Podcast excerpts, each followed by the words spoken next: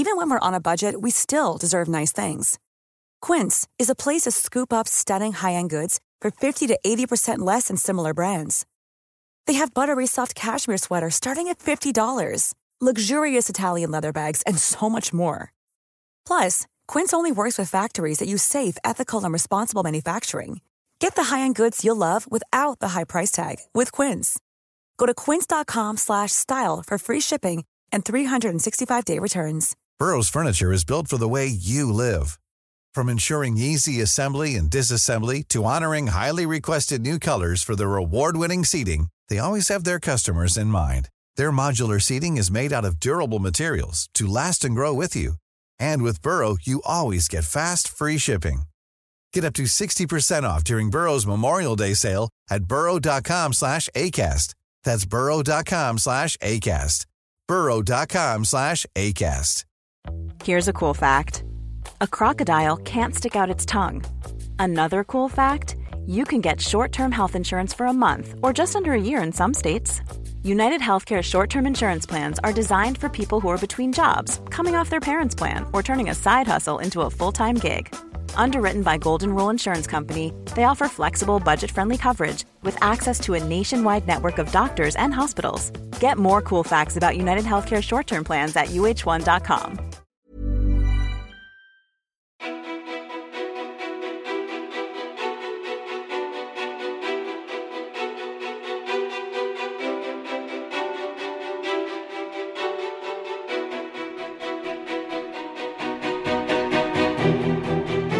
Paula Rosas är veteran i bloggvärlden.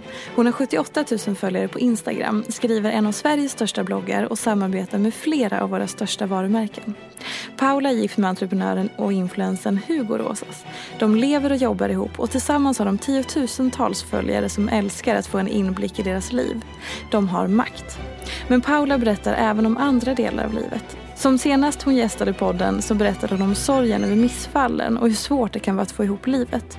Det senaste året har hon genomgått en stor förändring i sitt liv vilket gjort att hon fått uppleva näthat med anklagelser om både träningshets, kroppshets och mammakropphets. Hur har det påverkat henne? Vad har hänt sedan vi sågs för fyra år sedan? Vem är egentligen Paula Rosas? Varmt välkommen till podcasten Ofiltrerat med mig Sofia Peterfia Ståhl. Gud, vilka, du är ju rutinerad.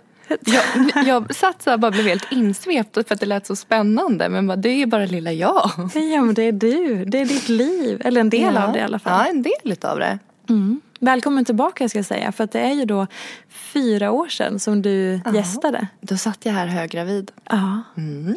Och då kan man ju så här, vad har hänt på dessa fyra år förutom att du har fött ett till litet barn?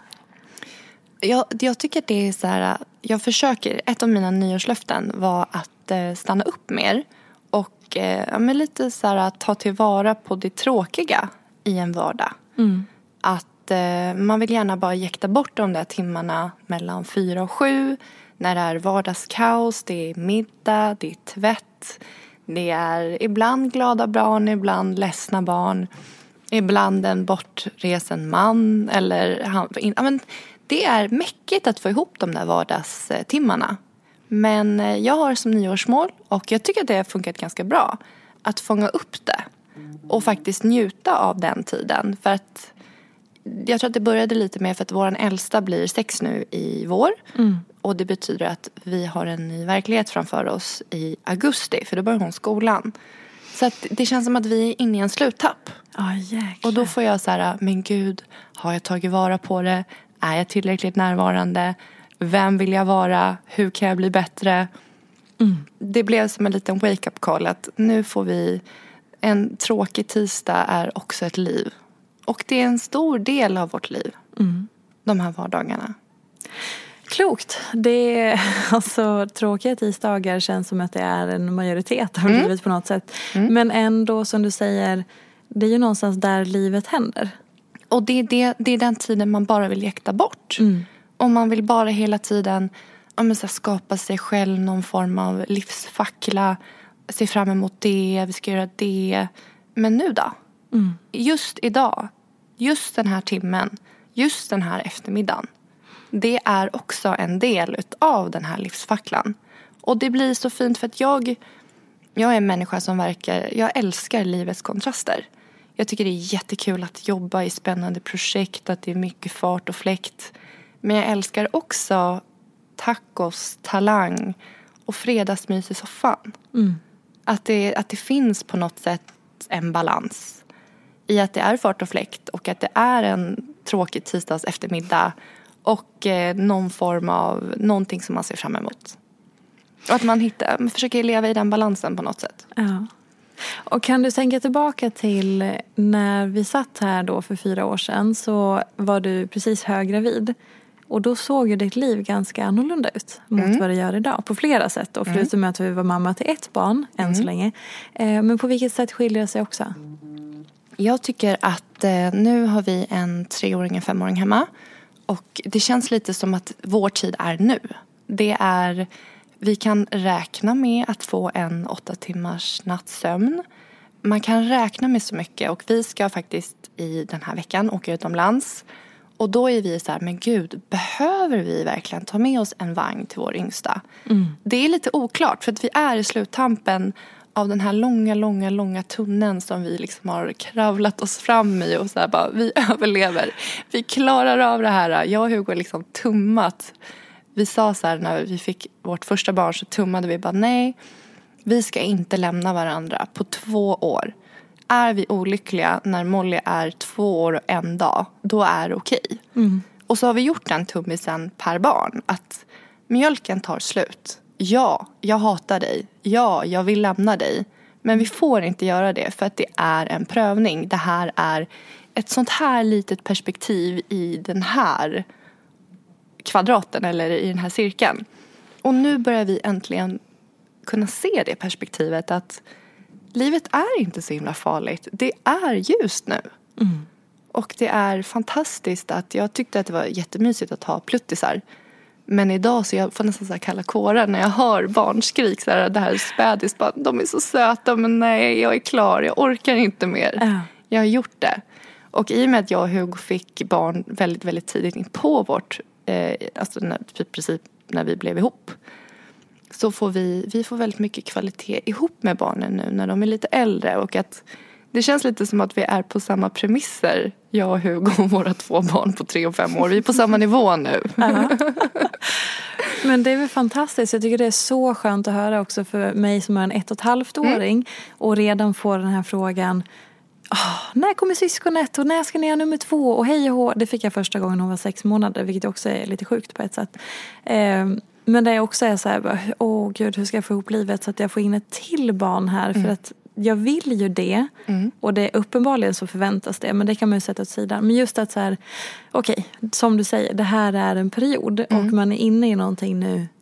Det kommer ta slut. Ja, Det kommer ett annat liv. ja. Det, det finns en tid för allt och där du är nu är fantastiskt. Mm, verkligen. Också.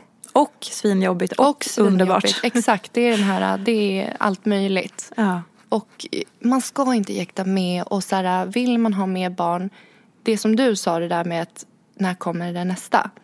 Alltså den frågan tog ju kål på mig under den tiden när vi fick så mycket missfall. Ja. Alltså det var så här, hugg mig i bröstet och stampa på min själ. Det var det, alltså det, bara den lilla liksom, oskyldiga frågan, när kommer alltså, nummer två? Vi hade gärna velat haft den igår, men det går inte. Där kroppen säger nej. Så att det och jag är väldigt, så här, nu också, i och med ett perspektiv och så, är jag väldigt tacksam över att jag fick mina missfall. För att det har gett mig en väldigt ödmjuk bild på just det här att det tar tid, det är svårt, det är inte en självklarhet att kunna förvänta sig att bli gravid. Det är mycket som, jag menar alltså vi kvinnor är väldigt, vi är komplicerade. Det är mycket som ska till. Så att jag skulle aldrig fråga det. Och det har jag ju lärt mig av mina egna, ja men mina livs, livs, livserfarenheter. Att det var svårt och att det gjorde ont. Vad tänker du, så här, om man ser på där ni är nu. Var det någonting som du kan så här, ah men gud, det här kommer ju nu. Att så här, om, du hade, om någon skulle säga någonting till Paula som satt där med en bebis och liksom ett litet barn fast inte en bebis. Eh, och bara så här, ah men gud, du kommer ju till det här också. Ge inte upp där nu och liksom, när det är kaosigt där hemma med två små pyttebarn. Oh, gud, vad skulle jag säga till mig själv som nybliven? Eh, jag skulle säga att eh, du är grym. Mm. Vad, du, vad du är fantastisk som sätter dig själv i så låg prioritet. Det kommer komma en tid där du börjar inse ditt eget värde och att du kan vara mamma på ett bättre sätt än att bara vara just mamma. För att jag gick all in for it. Alltså jag tappade allt annat. Ingenting var viktigt. Förutom att vara förälder. Men det var väl för på något sätt jag var i någon så här uppstartningsfas. Jag behövde gå all in för det. Mm. Just för att kanske att jag blev väldigt ung mamma. Jag gick, det var liksom tonårs-Paula till mamma-Paula. Det fanns aldrig någon däremellan. Så det vart så här, hur ska det här stora barnet faktiskt kunna ta hand om ett eget litet barn? Mm. Och, eh, men jag insåg väl det när vår yngsta blev lite äldre att oj, nu, vem, vem är jag egentligen när jag inte bara är mamma? För nu har jag gått all in för det i så många år. Och där någonstans så försökte jag väl hitta någon form av annan identitet och en annan gemenskap och en annan hitta tillbaka till att bli en identitet. För att det var en, för mig i alla fall en identitetskris att bli förälder. För att jag hade ingen aning om hur man var förälder. Och lite var jag väl som en kameleont att den sanningen jag kände till det var hur jag har blivit uppfostrad. Så då försökte jag ju bara göra allting som jag har varit med om och mina erfarenheter av mina föräldrar. Men då insåg jag också, men jag och mamma, vi är ju supertajta. Men här skiljer vi oss ganska mycket. Så här gör hon, men så skulle inte jag göra. Så här tänker jag. Så här vill jag göra. Och man lär sig fortfarande nu i ett perspektiv att nu har vi en femåring och en treåring. Men i höst så har vi ett skolbarn. Och den världen skrämmer mig jättemycket. För då kommer det helt plötsligt vad händer om hon inte blir bjuden på något kalas? Vad händer om hon kommer hem och känner sig utanför? Vad händer den gången hon inte blir vald i jumpan? Åh oh, gud. Ja, men allt det, där, det där som är så tufft och det som, det som gör så ont. För att du och jag är tjejer. Vi vet att det är en tuff miljö i skolan att vara tjej.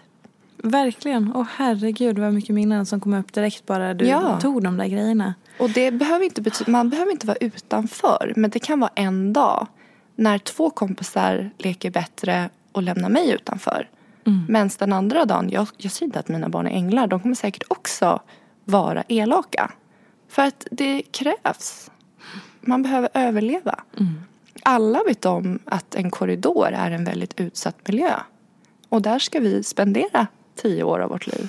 Och då är det bara ren överlevnad måndag till fredag. Du gör vad som krävs. Verkligen. Men du sa att du gick eh, all in i mammarollen och Mm. tappade stora delar av dig själv. Så. Vad, vad, vad hände då? Ja, men dels så var man väl väldigt skör, tänker jag. Som jag sa nu i det här perspektivet att vi, eller i alla fall mestadels kan förvänta oss en åtta timmars sömn. Det blev ju en verklighet för ja, ett halvår sedan. Du är inte dig själv när du sover oavbrutet och vaknar med nackspärr varje natt för att man vet att man har ett barn i sängen och man vill liksom inte man känner ju sig själv att jag har den här instinkten, jag är förälder, jag kan inte rulla på mitt barn. Så jag sover så här. Jag mördbultar mig själv för att barnet här ska kunna ligga som en prinsessa och ta upp hela sängen. Åh, Det finns inom oss även när vi sover. Ja. Så att jag tror att det handlar väl mer om att jag kanske var skör. Att jag var i den här äh, uppstartsfasen. Att jag har gått igenom ja, men så första barnet, alltid första gången. Oj, feber, jätteläskigt. Andra barnet, satan, jag har två. Kan jag älska två lika mycket? Är det fysiskt möjligt? Ja, ja, ja. Man får ju hela tiden, alla ens farhågor och prövningar blir besvarade i och med att man har den här äh, kärleken, den här villkorslösa kärleken. Man löser det, man fixar det. Men det tar några år att mogna. Och än idag, jag är inte klar. Jag är bara en, just nu är jag i en period. Och jag har de prövningarna jag har just nu. Men om två år kommer det se helt annorlunda ut. Så att man är ju hela tiden en rookie. Mm. Och man måste bara, jag tror att man måste vara, ja men bara ha lite så här perspektiv till hela tiden. Och vara bättre på att klappa sig själv på axeln och stanna upp och bara Men du är grym. Du gör ditt bästa. Det finns ingen annan förälder som är den perfekta föräldern för just ditt barn. För att ni, alltså ni, ni är kött och blod. Ni har växt, alltså, du har växt i mig. Vi gör det här ihop. Men eh, är du duktig på det? Och klappar dig själv på axeln? Stundvis skulle jag vilja säga. Stundtals. Ja. För senast vi pratade så pratade vi mycket om just den duktiga flickan som du har, har i dig. Mm, absolut. Har hon, hon- finns kvar. Ja. Men hon är också bättre på att in, alltså, förstå sina brister. Och jag har blivit bättre på... Eller jag har lärt känna mig själv mer på de här fyra åren. Jag har levt med mig själv fyra år till. Och eh, liksom hamnat i exakt samma mönster. Förstår, okej, det här beror på det. Till exempel är jag väldigt, väldigt dålig på att be om ursäkt. För att jag tycker sällan att det är mitt fel. Hallå? Förstår du inte vad jag menar? Jag har ju liksom hundra sätt att argumentera för att jag har rätt. Men jag har också insett att jag behöver inte alltid ha rätt. Jag kan till och med ha fel. Eller han, han kanske har fel. Men i det här läget är det bättre att säga förlåt. Det gör mig till en större person. Och det gör vår, ja men nu äktenskap till något bättre. Så sådana saker har jag lärt mig. Vad skulle du säga var det viktigaste då som du, för så här, okej jag börjar om frågan. Eh, när jag började liksom fördjupa mig lite mer och bara okej men Paula vad har hänt nu utifrån det som jag har, kan se utifrån sociala medier och det du väljer att berätta. Eh, så går det ju inte att komma ifrån det faktum att jag har gjort en stor träningsresa senaste året. Men som jag också förstår har blivit liksom en stor dels kroppsresa men också en resa i att man kan fan aldrig göra rätt.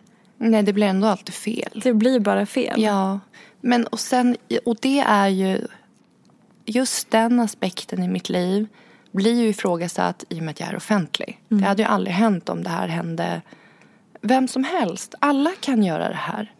Alla kan komma på någonting som liksom kanske börjar som ett måste, blir ett intresse och blir till slut en livsstil. Att man börjar mer interagera med människor som också har det här intresset och att det blir en stor del utav vem du är. Berätta från början. Vad var det som hände för dig? Eh, men gud, vad hände? Jag, det började med att jag träffade Hugo. Alltså en sån här Ja. elithockeykille som klättrade på väggarna på våra semestrar om han inte fick gå och träna. Och jag blev så irriterad på det här för att jag bara, men du tränar ju hela tiden. Nu är det helg. Nu ska vi vara. Nu ska vi umgås. Du får inte gå och träna. Förbjöd. Och bara, nej vet du vad. Bara, bara gå ut och spring så att du kommer tillbaka och är lugn. För att det här, du är hemsk att umgås med just nu. Men nu är jag ju samma. Nu är jag ju likadan. Att det bara måste ske. Det är en så stor del av livet och det är en så stor del av hur jag kan slappna av. Hur jag kan få tillbaka min energi till jag, ja, men att jag bara blir mycket, mycket tålmodigare och roligare människa att vara med. Så det började med Hugo skulle jag säga. Att han, eh, han vad heter det, projekterade, Pro, pre, prejudicerade. Exakt. Jag vågar inte säga ta det i min mun. Men ja. Ja, ja det ordet. Eh, sitt intresse. Och eh, jag tyckte det var jättetråkigt och jag tyckte jag typ kräktes första gången vi skulle ut och springa.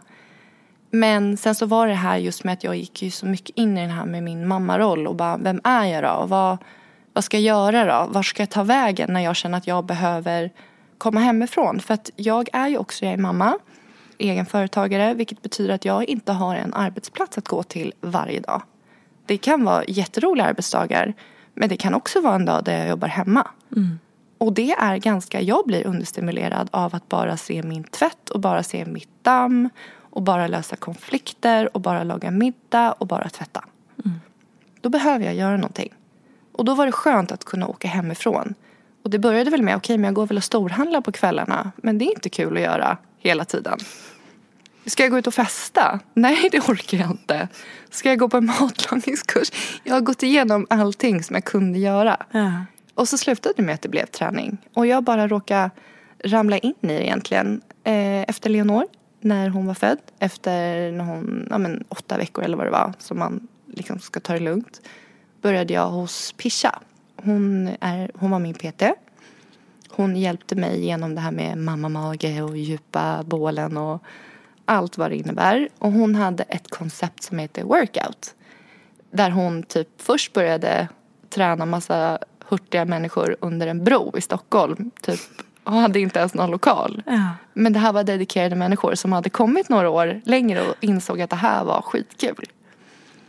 Och det bara blev att jag hoppade in i workout, fortsatte med till hennes studio, fortsatte med till hennes center.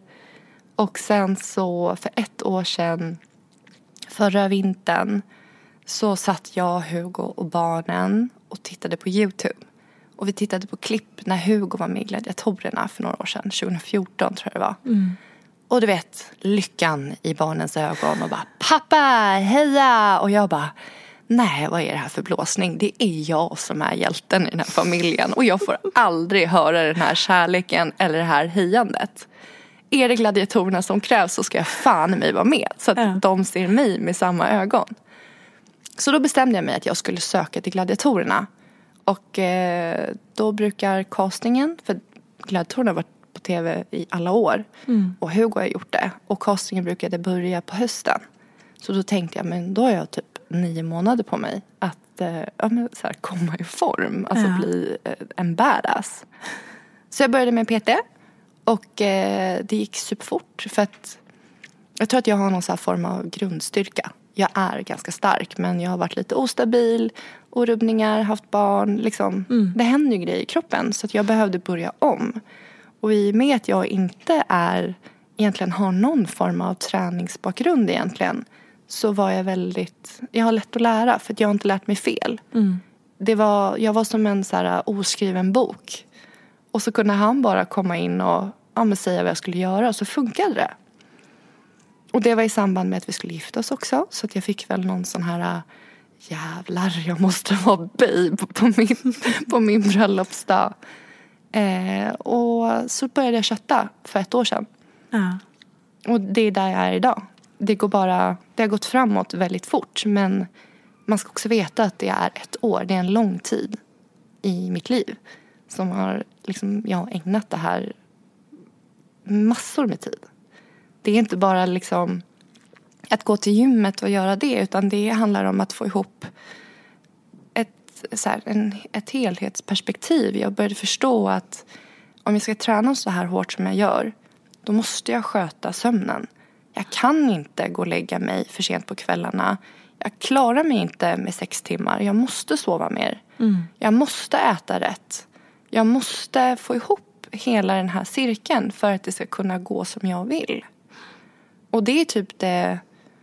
Det var som så här ett wake-up call och jag bara kände att varför visste inte jag det här när jag var 15 och tänkte att jag inte äter för då kommer jag bli snygg eller slank eller vad det var nu som jag vill uppnå i någon form av så ideal. Och jag har alltid varit ganska lång och ganska smal och jag minns när Hugo började köra crossfit och skulle ha med mig och jag bara nej, det där är ingenting för mig. Jag vill inte ha muskulösa armar för jag vill inte se ut som en kille. Alltså man bara, vad är det emot idag? Det enda jag vill är att bli stark. Alltså våra ideal är så jävla starka. Och Ja. just också allt det som vi blir itutade. Mm. Ja men du kan inte träna tung styrketräning som tjej för då kommer du bli för manlig eller för bitig eller för stor. Och det är lite det som jag, det är väl där jag är inne och nosar. Att på något sätt försöka krossa det. Jag försöker hela tiden förmedla att det som betyder någonting, det som är viktigt och det som är roligt är vikten du sätter på skivstången. Inte det som står på vågen. För jag har också varit den tjejen som står och tittar på vågen och bryr mig om den siffran. Men i och med det här då, eh, att du började liksom visa upp att du började träna, alltså du postade det och liksom att nu har jag gjort det här, nu går jag igenom det här. Så gick du ju från att bli utsatt för kommentarer om att du var ful och tjock och sladdrig och gropig och jag vet inte allt vad jag har läst. Mm. Och att Hugo skulle lämna dig för att du var så icke vältränad och du var så liksom Mm. inte bra helt enkelt. Mm. Till att du sen när du ändrade om din kropp och den blev starkare men också liksom tunnare och muskulösare så har du fått kommentarer om att du är triggad till ätstörningar och att det är he- träningshets och kroppshets och smalhets och jag vet inte allting. Mm.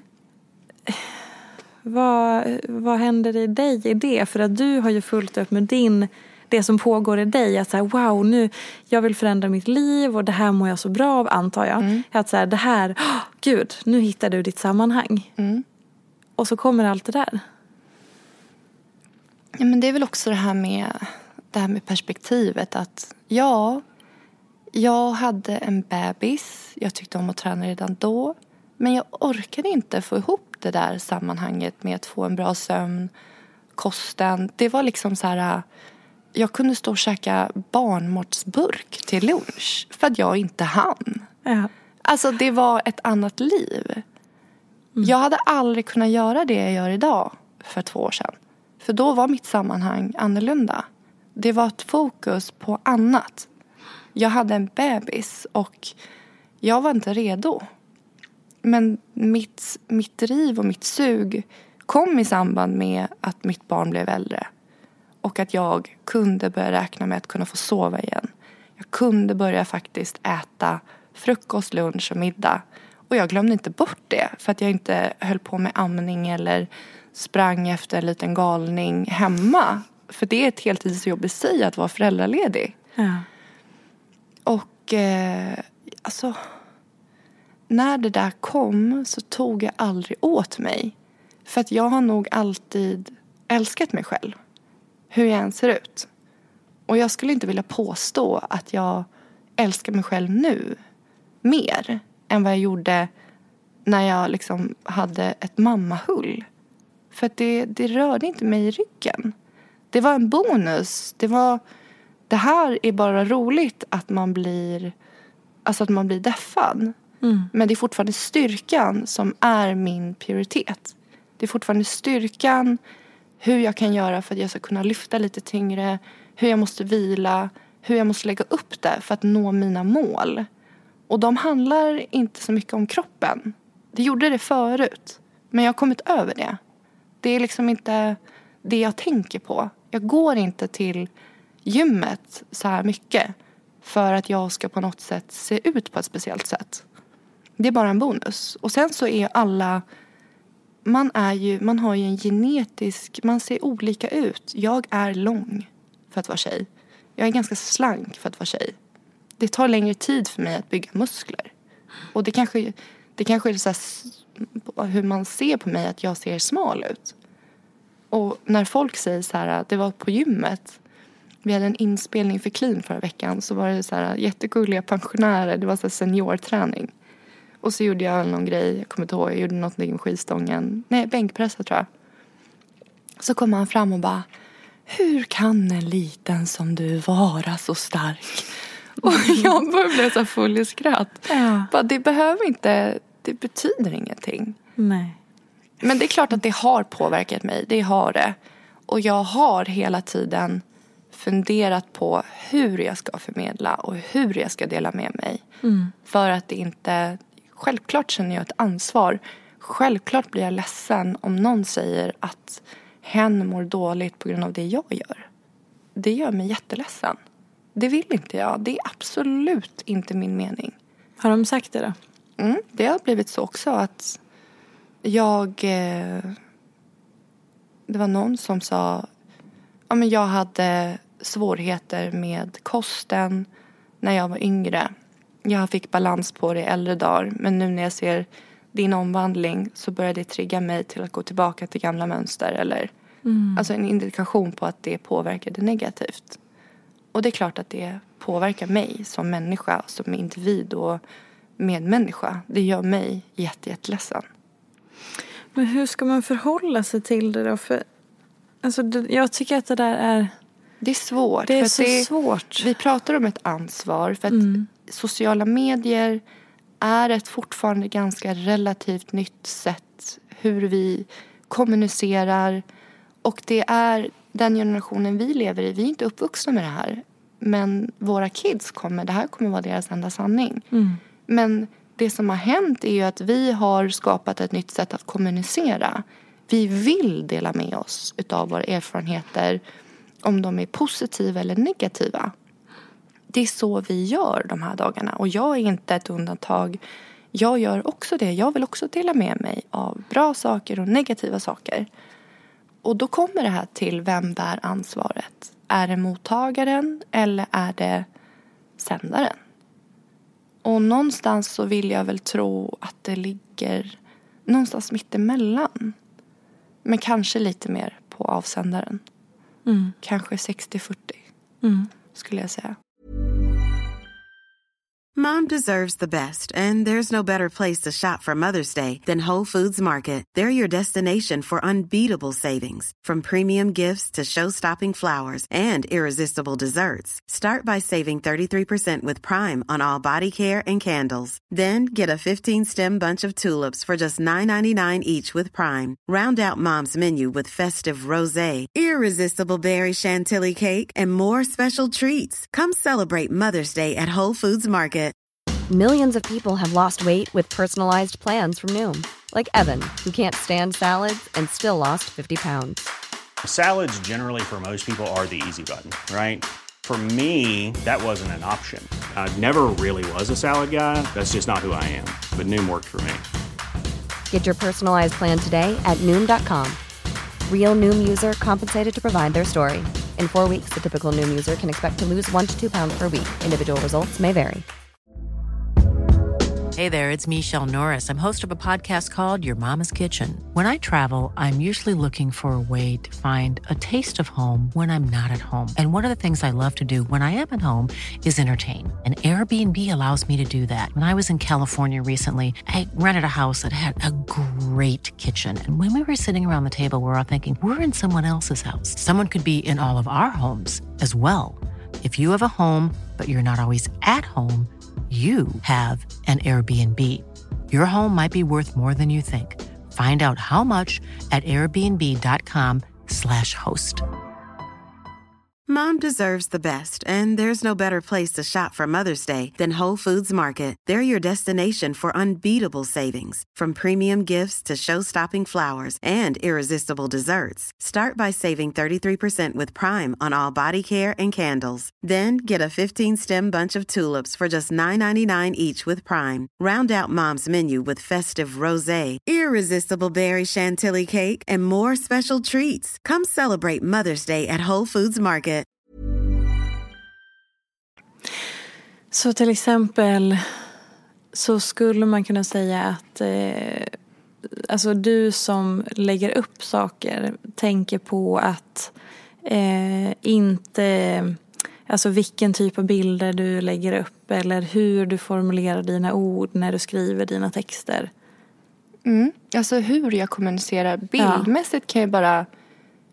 Jag tar bilder på mig själv i kläder, i pyjamas, i ansiktsmask, utan smink, med smink, gala, eh, sjuk, bikini, träningskläder, t-shirt, strumpor, barfota. Jag har inga gränser. Nej. Jag, nej, jag kanske inte skulle publicera en bild på mig själv i trosor bara. Det skulle jag nog inte göra. Men jag lägger upp en, en bild i bikini om jag bär det. Det är intressant för Hugo sa, han gästade ju den här podden för några avsnitt sen och då sa han det att det blir, ni får sådana helt olika typer av respons när ni just lägger upp då eh, bilder i badkläder. Alltså om han lägger upp en bar överkropp och du en bikinibild så är liksom den responsen ni får helt olika. Alltså du, blir, du får ju massa anklagelser eller att du får, dels får du massa beröm för att du är så snygg och så fin kropp. Men du får ju också ett ansvar på dig från de som följer och säger ja ah, men du lägger upp så mycket och du ska flasha din mage nu. Eller du, alltså att du, du får mer kritik. Mm. Medan han bara får så här, ja ah, kul, snygg, gud vad härligt, heja. Och just också lite det här kvinnliga manliga Mm. var ju han inne på. Ja, ja men så är det. Och eh, någonstans så känner jag väl att jag, så här, att jag skiter i det. Ja. Alltså, har jag en bikini så har jag en bikini på mig. Då är jag förmodligen i det sammanhanget. Och jag har ett inlärt beteende hur jag fotar och hur jag filmar. Och för mig är det så här, jag la upp en bikini för två år sedan på mig själv också. Det är ingenting som har förändrats. Badar du så badar du. Mm. Tränar du så tränar du.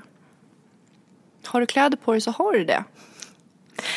Det låter så enkelt när du säger det på det sättet. Jag vet, men och jag är en väldigt enkel person. Jag är, alltså det är inga konstigheter för mig, men jag förstår att det kan. Och det är det jag jobbar med hela tiden, att jag ska ta mitt ansvar. Även fast jag har en väldigt enkel syn på det så kan inte jag räkna med att alla har det. Och jag har ett liv där människor följer mig. Men jag har också mina grund... Alltså jag känner att jag står på en så stark grund. Jag har gjort det här så länge. Jag tycker ändå att jag har gjort en rättvis bild av vem jag är. Och vad jag förmedlar. Och absolut, träning har blivit en stor del av mitt liv de senaste åren. Men jag är fortfarande väldigt mycket mamma. Jag är fortfarande väldigt mycket människa. Jag har tusen tankar. Jag är en jättereflekterande människa. Och jag eh, lär mig gärna. Jag tar gärna emot dina, hur du ser på någonting. För att på något sätt kanske, ja men, alltså försöka ändra, alltså vad heter det, att utmana mitt egna sätt att tänka mm, på. Mm, mm. Så jaha, du tänkte så, då kanske det gav mig en helt annan tankeställare. Mm. Men eh, jag tänker mycket på, jag tänker alltid med, alltså hur jag som avsändare kan skapa en positiv bild av det jag gör men inte behöva sätta ord i mun utan du får hitta ditt sätt. Just det. Jag kan till exempel, jag skriver ganska mycket lister, så här, mina sju bästa sätt att komma igång med löpning. För att löpningen gav mig sån, alltså det gav mig så mycket endorfiner när jag, eh, det var en av de första träningsformerna jag kom i kontakt med. Och jag har kräkts av att springa tre kilometer. Mm. Det är mm. helt galet att jag ens skriver en sån lista. Vem har jag blivit? Men det har ju hänt någonting. Jag har blivit äldre. Jag har blivit... Jag har hittat en ny del av mig själv. Och då vill jag ge mina, mina absolut basic tips på så här kan du göra. Och så får du välja att ta emot det eller inte. Jag kan skriva om mina träningsmål och ge tips på och hela tiden hela, hela tiden påminna om att alla börjar någonstans. Jag började nu i vuxen ålder. Jag har ingen bakgrund. Mm. Det tar tid. Det tar väldigt lång tid för någonting att bli en rutin. Men kommer du över det så blir det väldigt härligt. Att hela tiden på något sätt, vad ska man säga, försöka påminna om att alla börjar någon gång. Och det är aldrig för sent. Och även i, när jag förmedlar träning att så här, ja men tjejer, det är girl power. Ni kan lasta på vikter, ni kan jobba på teknik. Thaiboxning, alltså det är skitcoolt att kunna slå hårt. Ja. Jag blir jätte, jag får, jag blir så, jag får bättre självförtroende när jag får in en snygg jabb. Men det har ju krävts jävligt många jabbar och mycket tid. Mm.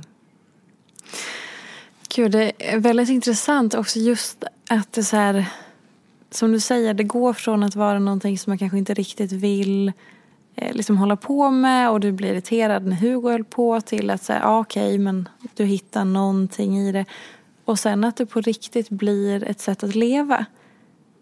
För att du märker att det här mår jag så bra av. Mm. Men jag kan ju också förstå som den där kritiken som du fick att så här, eh, när man ser din förvandling och så här. För jag tänkte på det när du pratade att så här, det, det som jag tror är så himla svårt med träningskonton överlag eller så när man lägger upp träning i sociala medier är att man ser ju utsidan och ytan och då är man också snabb på att döma och så hittar man, alltså, så utgår man från sig själv eller sina erfarenheter och så blir det som att ja men där står någon med en fitt kropp och magrutor och som ser ut som idealet och så här, för att förstå hela din träningsfilosofi, att så här, ja, men du har nyss börjat, du är nybörjare, eh, du kom från mammalivet och nu så tar du bättre hand om din sömn och du vill förmedla det här sunda och sådär. Alltså det kan ju bli en clinch. Förstår du vad jag är ute efter? Ja. Och det är det som är så svårt. För att så här, Ska du behöva skriva ändå en varningstext vid varje bild? Alltså, det här är mitt budskap. Jag tampas också med det. Mm. Ehm, I och med att jag också skriver om träning och hälsa.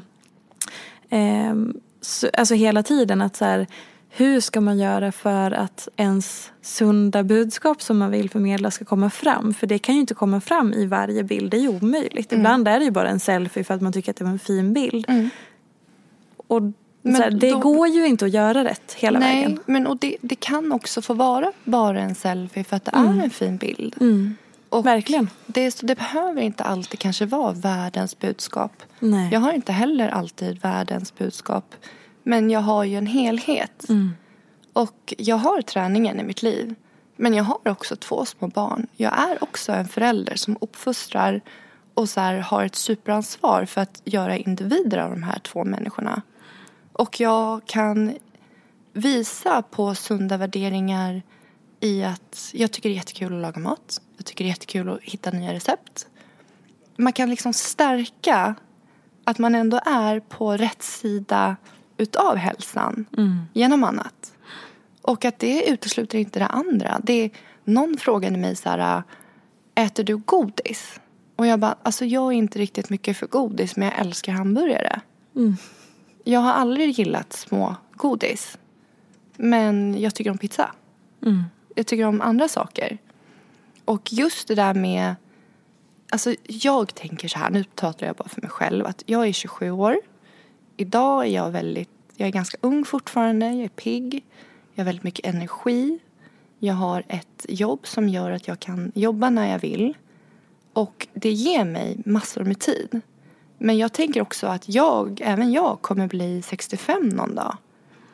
Och vi pratar mycket om Hugos mamma kom hem häromdagen och bara jag har läst en studie om att vi äldre vi ska minsann styrketräna så att inte vi blir bensköra.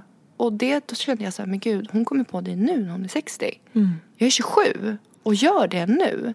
Då kanske jag kan hjälpa mig själv till ett helt annat liv som jag inte ens, jag kan inte ens relatera till att jag ska bli 65. Men förhoppningsvis så kommer jag bli det. Och jag kanske inte orkar hålla på så som jag gör just nu för evigt. Men just nu orkar jag och jag vill tro att jag på något sätt kommer att investera i att kunna leva lite friskare, orka mer, kanske inte bli benskör lika fort som jag hade blivit om jag inte hade gjort det jag gör nu. Och framför allt så tänker jag på mina två små barn som snart ska in i en skolvärld där jag funderar på hur jag kan göra för att liksom hjälpa dem att bli, att hålla sig. Jag är jätteorolig för det här med trubbel. Jag är jätteorolig för det här med att vad händer när de liksom dricker alkohol? Kan jag på något sätt förhindra att det inte händer vid 13? För att jag var 13 år första gången jag drack alkohol. Och jag vill tro att det har ett samband med att jag inte höll på med någon form av aktivitet eller sport. För att jag ser på min lilla syster som har spelat bandy väldigt, väldigt länge. Att det där kom mycket senare för henne.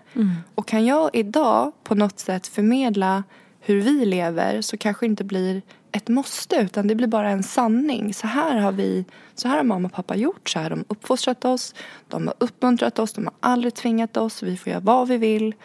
Men det kanske gör att de två håller sig, alltså att det, att det där med jobbiga tonår, alltså som har med liksom att inte komma hem eller vara full eller sånt där. Det kanske kommer några sen, alltså att vi kan bara förhindra det lite. Ta det lite något år senare. Ja, När man ändå hunnit växa till sig lite grann. Ja, och liksom att de hinner bli lite äldre och hinner bli lite, de är lite vettigare. Ja. Och gud, ja, jag hoppas verkligen det. Jag tycker det känns så skrämmande. I och med att jag är upp, uppvuxen i Dalarna så känner jag att det är så läskigt Här. här i Stockholm att mitt barn nu växer upp här. Mm. Och jag, jag har ingen aning om hur det är att vara ung här. Nej. På, på samma sätt som om, om vi hade bott i Dalarna nu. Det är ju din sanning, för där är du uppvuxen. Exakt. Och det handlar ju inte bara om det handlar ju inte bara om träning och liksom dricka alkohol. Det är också den här, okej, sociala medier är jag livrädd för.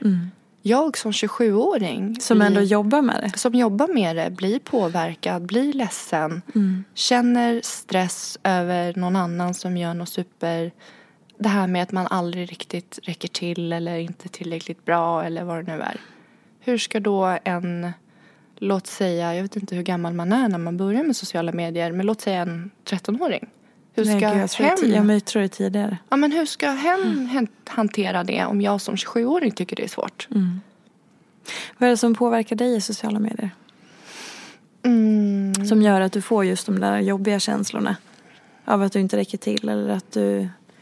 Jag tror att det var mer förr. Mm. Tyckte jag att det var... Jag tyckte att mm, nästan allt var jobbigt förr. Jag kommer inte på något så konkret. För att jag tycker att... Alltså jag känner mig väldigt trygg i mina roller. Men det kan väl vara kanske... Ja, men om jag och Hugo till exempel haft ja, men en dålig period. Och så ser jag hur kära alla andra är. Och så får jag så ångest. Bara, jag måste, jag- vet att nu, man, det är liksom, jag tror att man båda två känner när man är i en dipp. Och det är okej att ha en dipp. Alla har dippar och man orkar inte alltid göra något åt det. Men det får inte gå för länge, för då blir det en period. Det får bara vara dippar. Hur lång är en dipp då? Alltså det kan ju vara veckor i alla fall. Det kan vara hektiskt. Framförallt för oss i vår familj så i samband med Leonor så föddes ju också Clean som är Hugos företag. Och det bara smällde eh, ja, men för cirka ett år sedan. Och det har ju krävts massor med jobb. Och ännu mer det här med att det är det som är så fantastiskt att vi redan har varit ensamma och kan fördela tiden. Och vi har ingen skola att förhålla oss till. Vi kan hämta tidigt. Vi kan vara väldigt mycket med familjen. Men Hugo har behövt verkligen, han har behövt gasa. Och då är det mycket jobb. Och då är det väldigt mycket barn för mig. Och det blir som en sån här nivå, en energinivå-dipp. Och så kommer han hem och jag bara Hallå, se mig, hör mig, fråga hur min dag har varit. Du har varit borta i fem dagar. Sitt fan i mig inte och titta ner i telefonen nu. Och så får jag ett raseriutbrott över ingenting. Och han bara, vad hände? Alltså, Ja, gud det där. Ja, alltså det så kan det också vara. Och det kan väl i perioder jag tycka så här stinger i hjärtat. Om man ser alla andra är så lyckliga och alla andra gör det där. Och jag och Hugo är trötta. Och inte riktigt på samma nivå då. För Nej. att ni har liksom levt två olika liv den senaste veckan till exempel. Exakt, vi är lite osynkade. Men för mig är det oftast, jag är väldigt, ja men jag är väldigt enkel av mig. Alltså, är det dåligt så vill jag aldrig se det som att det är ett dåligt liv. Utan det är en dålig period. Eller en dålig, det är en dipp. Och eh, det har jag sagt sen vi träffades att det enda jag kräver är att vi har tid tillsammans. Vi fyra. Då mår jag som bäst. Jag är som starkast i, låt säga, en lördag. Mysig frukost, aktivitet, bara gå en promenad, kolla på film, umgås med vänner, vara med familj, dra och bada. Det gör mig glad. Jag lever länge på en sån dag. Och det är lite i och med att vi jobbar med sociala medier och det är mycket clean så har jag en viss tolerans till att vi hinner inte fånga upp varandra måndag till fredag. Det är okej. Men är det då att någon av oss är borta en hel helg då är det helt plötsligt en vecka till. Då tar det två helger innan den dagen kommer eller den eftermiddagen där jag känner nu har vi boostat. Och då kommer dipparna. Men de går oftast ganska, det går att rädda ganska fort. Det är lite som krävs. Vad är det som kan krävas då? Ja, men en lördag. Alltså en ledig dag. Utan inga telefoner, inte jobb, bara vi. Men så är vi faktiskt väldigt duktiga på det här som jag sa tidigare, det här med att man bara jäktar med och bara stressar ihjäl sig en tisdag och bara vill se fram emot det roliga. Men vi är väldigt duktiga på att eh, men hela tiden ha så här, eh, livsfacklor. Något, någonting som är väldigt kul, som är lite så här, man kan inte riktigt nå det men man vet att det, det kommer hända. Och så har vi, vi är så himla lyckligt lottade och jag är så tacksam över våra familjer. Vi har ett väldigt stort kontaktnät, vi har jättebra familjerelationer, vi har jättebra kompisar. Det är aldrig så att vi känner att våra barn aldrig är välkomna utan de får följa med vart vi än är. Och vi har liksom den lyxen att till exempel idag. Igår så saknade farfar och frågade kan inte jag få hämta barnen. Mm. Och det är inte som att vi ska göra något speciellt. Det är måndag idag.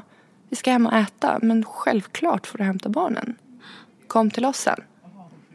Fint. Ja, så att, och det gör ju att även vi som par som fortfarande ish småbarnsföräldrar får den här boosten i att kunna få tid bara jag och han. Vi hade en jättemysig dejt nu på alla hjärtans dag som var sån här, den lever jag på än idag, snart en vecka efter.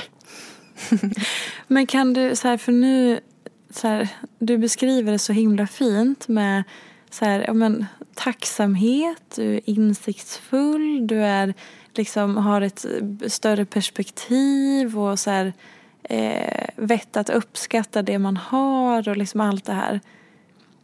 Och det är fantastiskt. Men bara så här, ja men hur kommer man dit då? Alltså vad, för det blir, det, det, det är så himla bra. Alltså det är så, alltså förstår du vad jag menar? Alltså det, det krävs ju att man är, har kommit en bit i sin personliga utveckling. Det är det jag är ute efter. Att så här, hur har det kommit hit då? För att det är nog inte så självklart för alla. Och sen att orka med det också. För att man behöver ju vara liksom att orka ha helikopterperspektivet och orka känna tacksamhet fast man vet hur förbannat privilegierad man är. Förstår du vad jag är ute efter? Alltså jag som person är nog ganska enkel. Eller jag vill tro att jag är väldigt enkel och medgörlig. Eh, jag är väldigt bra. Jag är, alltså jag är född 19 juli, jag är kräfta. Jag är omhändertagande. Är du ledsen så är det mig du kommer till. Jag kommer ta hand om dig. Ja. Det är lite av min personlighet. Och eh, jag har blivit bättre på att sätta mig själv i första hand. Så här, nej nu ska jag också. För det var det som var min nästa fråga. Mm. Så här, medgörlig och enkel, är det då så att folk kan liksom utnyttja det? eller- Ibland, ibland absolut. Det har varit så också. Också att du släpper in folk för långt? Ja, men jag har också så här, jag säger också nej. Jag märker ju, jag skulle kunna få väldigt mycket fler fina relationer men jag gick inte med det just nu. Eh, och jag har min inre krets. Och det, jag ger det 115 procent. Men så generellt så tror jag att det handlar mycket om inställning till hur man ser på saker och ting. Jag är väldigt så här äh, jag löser saker. Alltid. Jag är superorganiserad, planerad, strukturerad. Jag eh, har koll liksom på... Jag vet ungefär hur mycket jag pallar och hur mycket jag inte pallar. Jag vet vad jag kan säga ja till och vad jag ska säga nej till. Jag vet vad som ger mig energi. Hur vet du det? Alltså jag är väldigt så, jag hittar energi i dem jag är med. I mina vänner och min familj. Jag hittar, där hittar jag all min kraft. Och det är där jag boostar mig. Och jag är väldigt familjär. Alltså, jag är den som ringer mamma varje dag. Vad gör du? Får vi komma och ta en kaffe? Vill du följa med? Ska vi göra det här? Vi är alltid de. Det är alltid familj hemma hos oss på helgerna. Vi liksom ser till att vi har dem nära. Och jag tror att familj, vänner och inställning är på något sätt grunden till att, ja men jag vet inte. Man måste vara positiv också. Ja. Och eh, det är klart att jag ser livet som en hård skola samtidigt som jag älskar att leva mitt liv. Och många är så här, okej, vad är nästa grej? Vad är nästa mål? Vad ska du göra? Men jag känner så att där jag är just nu är så bra. Jag trivs så bra i mitt liv idag. En, vad är det, måndag? Eftermiddag. Ja. Klockan är eh, 20 över två. Mm. Och att eh, jag, jag tycker det är väldigt härligt just nu. Helt enkelt. Det är jättebra. Mm. Det är så... eh, Mm. Ja, men det, det är väldigt eh, både inspirerande och liksom skönt att höra. För man behöver påminnas om det hela tiden. Både att man ska vara tacksam. För det är ju det som man vet. Vi behöver vara tacksamma för då uppskattar vi också det vi har lite mer. Mm. Men sen också som du säger, alltså man behöver ju hitta sina sätt att ladda sin energi och fylla på sig själv och eh, våga tacka nej eller ja och som förhålla sig till saker och ting. Mm. Och vår inställning, jag tror ju också på att det gör väldigt, väldigt mycket för Mm. oss. Jag tror också det. Och att hela tiden så här, men var lite snällare än vad som förväntas. Mm. Gör det där extra. Var den, var den individen. För att bra energi kommer därifrån. Och kan du vara en källa till det så är det fantastiskt. För att alla behöver det. Verkligen. Vill du säga några sista ord innan vi avslutar? Du har sagt väldigt många bra ord men jag tänker om vi ska avrunda med någonting innan jag släpper iväg dig. Eh, vi säger tack för att jag fick komma hit. Tack själv. Vi kanske hörs igen om fyra år. Ja. Som gud vilken, vilken spännande tanke. Ja. Men du okej så här, jag ändrar mig. Eftersom vi sågs för fyra år sedan Mm. och det kanske inte är helt då orimligt att vi skulle sitta här om fyra år igen. Vad tror du livet har tagit dig då? Eh, se, då måste jag tänka snabbt. Då är jag 31. Eh, jag har förmodligen haft min efterlängtade 30-årsdag. Den är redan planerad till fullt. Alltså jag ska skicka ut OSA sex månader innan. Vi har två skolbarn. Förhoppningsvis så går skolåren bra. Och alla de här farhågorna, vissa kanske, det kanske har hänt att jag blir mer rustad. De kanske inte har blivit bjudna på vissa kalas. Jag kanske har gråtit i smyg och kanske liksom kört de här vita lögnerna om att vi missade nog bara det där smset, du var bjuden men ja. Och kanske har hittat en trygghet i att så är det också. Att man, man överlever det. För jag har själv gått skolan. Jag har också varit ledsen. Men jag blev en människa för det. Vi kanske har fått en trea, tänker jag. Kanske fortfarande är i småbarnsåren. Eh, men jag ser inte några stora livsförändringar i att vi skulle ha flyttat eller något sånt där. Utan vi är där vi ska vara just nu. Och ni jobbar med samma sak? Mm, jag tror inte att Clean kommer finnas kvar. Nej. Jag tror att vi kommer göra något annat då. Ja. Mm. Det är intressant för då när vi sågs för fyra år sedan så var inte du inne på att plugga då? Jo. Då Ja. skulle jag bli barnmorska. Vad hände med det? Nej men eh, jag var fullt inställd på att gå tillbaka efter föräldraledigheten med Leonor. Men eh, det var så jäkla kul att jobba med sociala medier och det tog sån fart.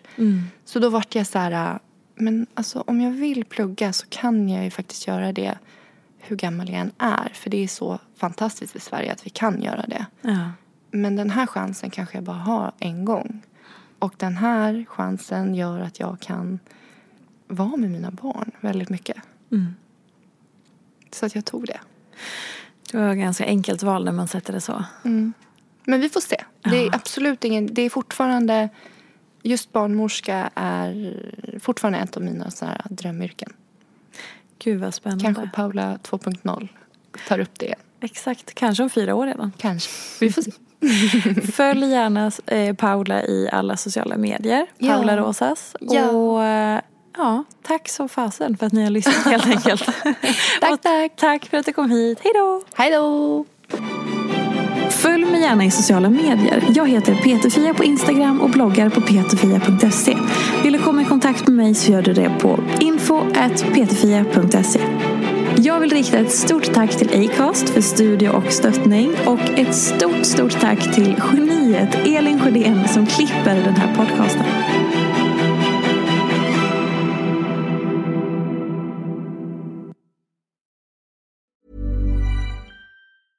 Normally, being a little extra might be a bit much, but not when it comes to healthcare. That's why United Healthcare's Health Protector Guard fixed indemnity insurance plans, underwritten by Golden Rule Insurance Company, supplement your primary plan so you manage out of pocket costs. Learn more at uh1.com. Mom deserves the best, and there's no better place to shop for Mother's Day than Whole Foods Market. They're your destination for unbeatable savings, from premium gifts to show-stopping flowers and irresistible desserts. Start by saving 33% with Prime on all body care and candles. Then get a 15-stem bunch of tulips for just $9.99 each with Prime. Round out Mom's menu with festive rosé, irresistible berry chantilly cake, and more special treats. Come celebrate Mother's Day at Whole Foods Market.